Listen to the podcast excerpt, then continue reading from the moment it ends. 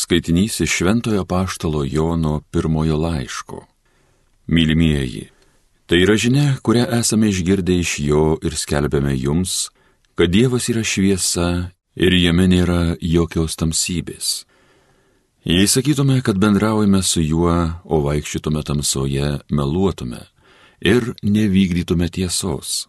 O jei vaikščiojame šviesoje, kaip ir jis yra šviesoje, Mes bendraujame vieni su kitais, o jo sūnaus Jėzaus kraujas apvalo mus nuo visų nuodėmių. Jei sakytume, jog neturime nuodėmės, klaidintume patys save ir nebūtų mumyse tiesos. Jeigu išpažįstame savo nuodėmės, jis ištikimas ir teisingas, kad atleistų mums nuodėmės ir apvalytų mus nuo visų nedorybių. Jei sakytume, kad nesame nusidėję, mes jį darytume melagiu ir nebūtų mumyse jo žodžio. Mano vaikeliai, aš jums tai rašau, kad nenusidėtumėte. O jei kuris nusidėtų, tai mes turime užtarėję pas tėvą, teisų jį Jėzų Kristų. Jis yra permaldavimas už mūsų nuodėmės ir ne tik už mūsų, bet ir už viso pasaulio. Tai Dievo žodis.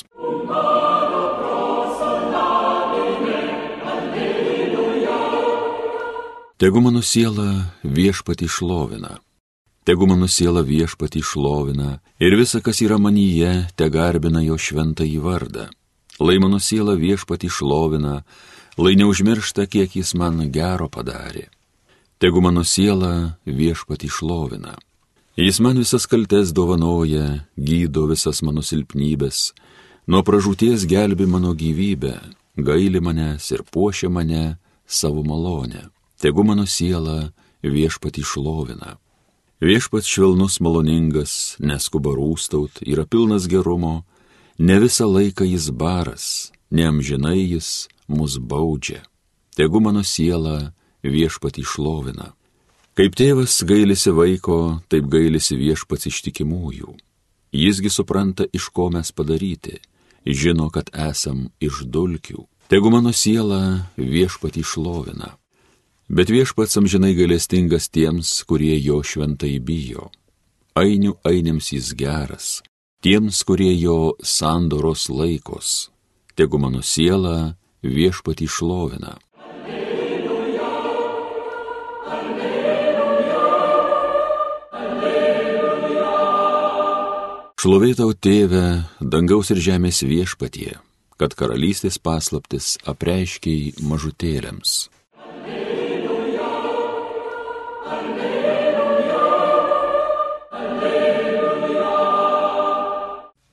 Pasiklausykite Šventojios Evangelijos pagal Matą. Anuo metu Jėzus bylojo, aš lovinu tave tėvę dangaus ir žemės viešpatie, kad paslėpėte nuo išmintingųjų ir gudriųjų, o apreiškiai mažutėliams. Taip tėvė, nes tau tai patiko. Viskas man yra mano tėvo atiduota ir niekas nepažįsta sūnaus tik tėvas, nei tėvo niekas nepažįsta tik sūnus ir kam sūnus panorės apreikšti. Ateikite pas mane visi, kurie vargstate ir esate prislėgti, aš jūs atgaivinsiu. Imkite ant savo pečių mano jungą ir mokykitės iš manęs, nes aš romus ir nuolankio širdies, ir jūs rasite savo sieloms atgaivą, mano jungas švelnus, mano našta lengva. Girdėjote viešpaties žodį. Šlovė tau, Kristau.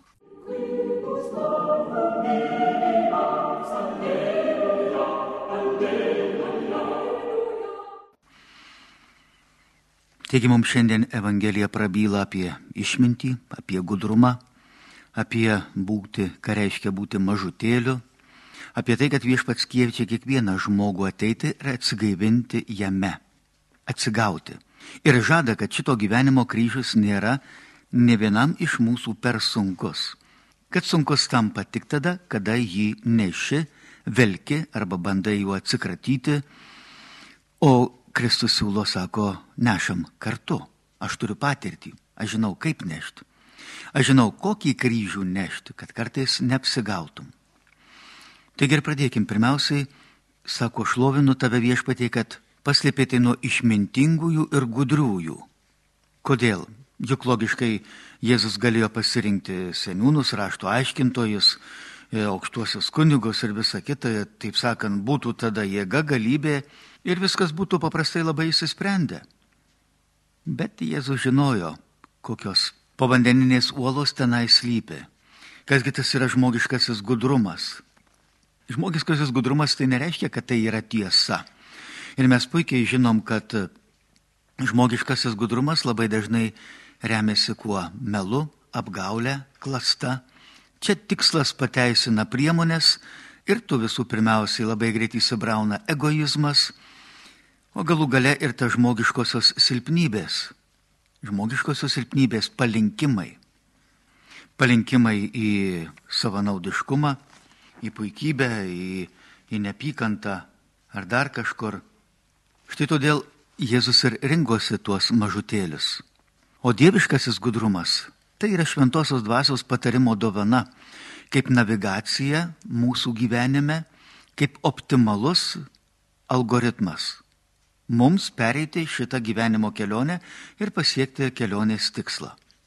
Tikslą, kuris mus padarytų laimingus, kad staiga neišaiškėtų, jog neįsėdom ne į tą autobusą, ne į tą traukinį, ne į tą laivą ir nukeliavom visai ne ten, kur man reikėjo kad pasirodo šitas greitkelis visgi nuvedė mane į pragarą. O viešpas sako, į gyvenimą veda siaurikeliai. Juose reikia įdėti triūso, nes gyvenime iš tikrųjų tikrai yra tik tai tai, kas yra pažymėta kančios. Na, o tie patogus, malonūs dalykai labai dažniausiai veda, nuveda kur? Nuveda į pražūtį, nes piktoji dvasia labai dažnai mums siūlo šitą dalyką. Ir žmogiškoji išmintis. Kas yra išmintis? Išmintis tai yra logika sujungta su gyvenimo patirtimi. Žmogiškoji logika, puikiai žinom, kaip mokslininkai sako, tai yra 18 procentų tavo veikiančių smegenų. Vat tiek ir pataikai. Vat tiek teisingų sprendimų ir gali priimti. Su savo logika, tai daug dievė, kad tas 18 būtų. Dažniausiai būna kokie 10, 12, daug dievė 15. Ir paskui logika sujungta su patirtimi. Bet tai tavo patirtis gali būti sužeista ir dažniausiai tokia ir yra. Tu kamuojamas kompleksų, priklausomybių, baimių ir kitų dalykų. Tai tavo patirtys gali būti labai skausmingos, kaip kokio Putino, Hitlerio ar dar kažkieno, kurių, kurie irgi elgesi logiškai atrodo ir jų supratimu teisingai. Ir jie save laikė išmintingais, nes priemė atrodo pačius geriausius įmanomus sprendimus, bet tai buvo jų sužeisti jausmai nuo pat vaikystės, tai buvo jų labai ribota logika. Štai tada be abejo, tada ir pasiekmes patys suprantat kokios. E, tuo tarpu Dievo išmintis yra mums šimtaprocentinė garantija, nes jinai remiasi jau kuo? Na, visų pirmiausiai Dievo logika tam, kuriam nėra nei dabarties, nei praeities, nei ateities, kuriam yra nuolatinė dabartis, viskas.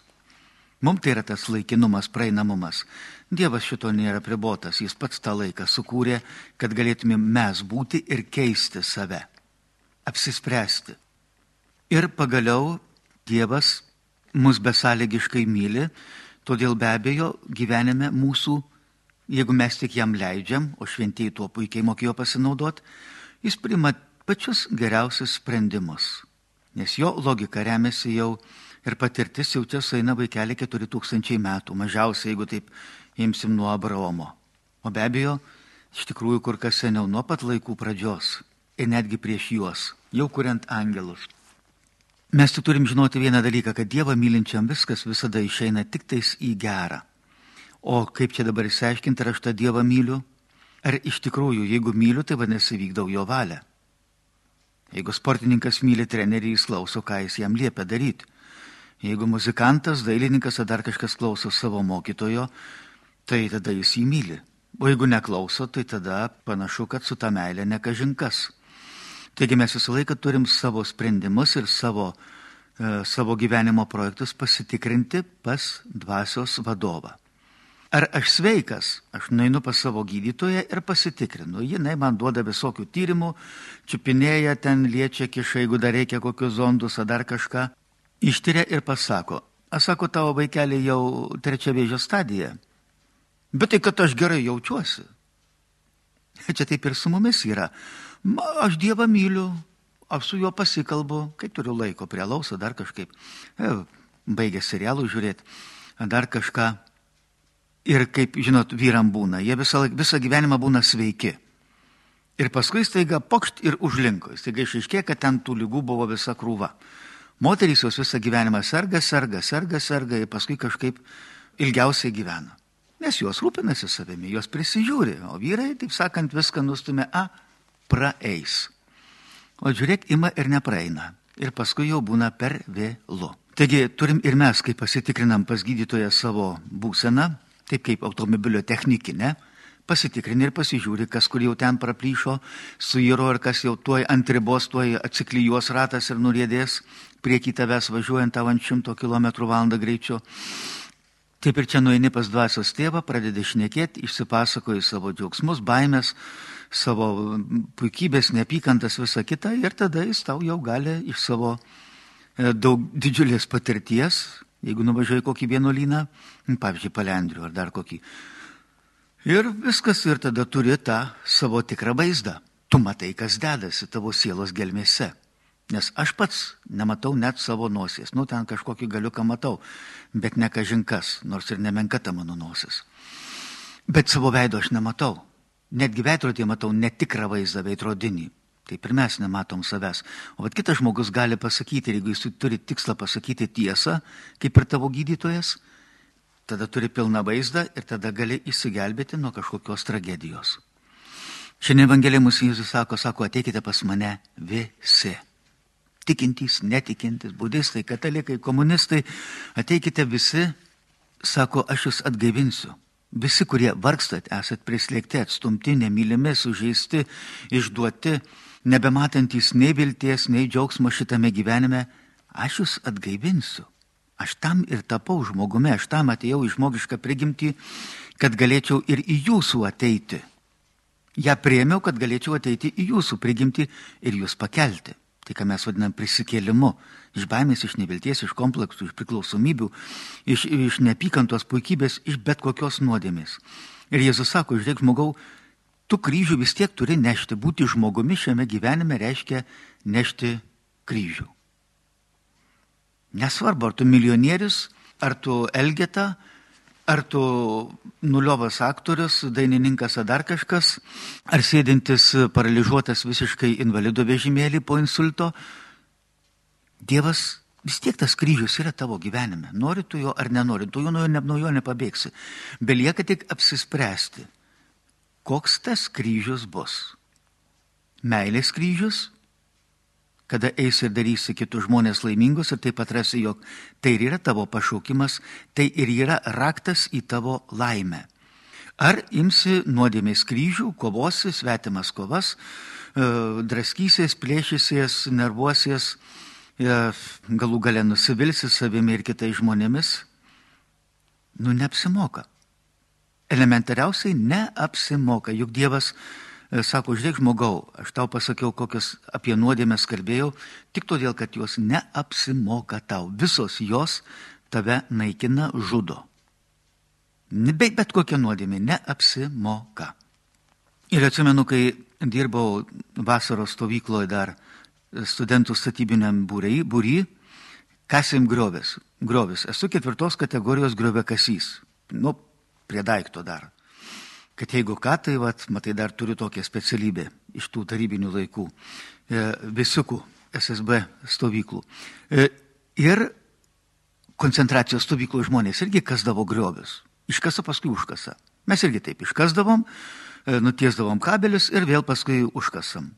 Bet jūs turbūt suprantat, kad man, kai mes kasdavom studentai tuos griovius, Tai buvo tikslas, tai buvo džiaugsmas, tai buvo prasmė, tai buvo polisis, tai buvo kalbos, tai buvo anegdotai, tai buvo šnekos, tai buvo juokai, tai buvo, nu, tai buvo gyvenimas. Toks kaip jaunimui tenai kokių 20 metų. Ir įsivaizduokit, kad tie žmonės, kurie buvo koncentracijos stovyklai, kasė lygiai tokius pačius griovus. Ir juos lygiai taip pat užkasinėjo. Ar ten buvo kas nors iš mano paminėtų dalykų? Tikrai ne. Bet taip Dievas ir sako, sako, žiūrėk, žmogau, nesirink tos koncentracijos stovyklos gyvenimo būdo kai turi stumt gyvenimą. Aš noriu, kad jis būtų prasmingas. Mylėk save. Mylėk save. Na, o priimti Jėzų į savo gyvenimą, kaip Jėzus ir šiandien mums siūlo, aš noriu padėti tau nešti gyvenimo kryžių. Priimk mane po savo gyvenimo kryžių. Priimti Jėzų į savo gyvenimą, po savo gyvenimo kryžių, tai ir reiškia mylėti save. Mylėkim save. Leiskim, kad tas, kuris mus besąlygiškai myli, kaip besąlygiškai pažiūrėkim ir kryžių ir suprasim, kas kitas už mane sutiktų mirti ant kryžiaus. Nerasi nebent mama, tėtis galbūt, daug dievė, bet ir tai vargu. O jis taip, jis tai padarė ir siūlo, sako, primk mane. Primk mano išmintį, mano patirtį, mano džiaugsmus, kaip tie, kurie didžiausi pasaulio protai pasinaudojo. Tiesiog puikiausiai pasinaudojo, suprato, kad Dievas jiems dovanoja begalybę. Dovanoja jiems įkvėpimą, duoda jiems, šiuolaikinių terminai sakant, begalinę duomenų bazę. Absoliutų. Begalinį, begalinį internetą tu gali prieiti prie bet ko šitame pasaulyje. Jis tai duoda ir jie tuo pasinaudojo. Puikiausiai pasinaudojo, ar nesvarbu, ar muzikoje, ar mene, ar dar kažkur, jie šito sėmėsi. Ir tada kūrė šedevrus, atradinėjo gamtos dėsnius. Priimkim ir mes jį, juolab, kad jis mums šiandien siūlo. Ateikit pas mane. Ateikit visi. Ateik ir tu. Amen.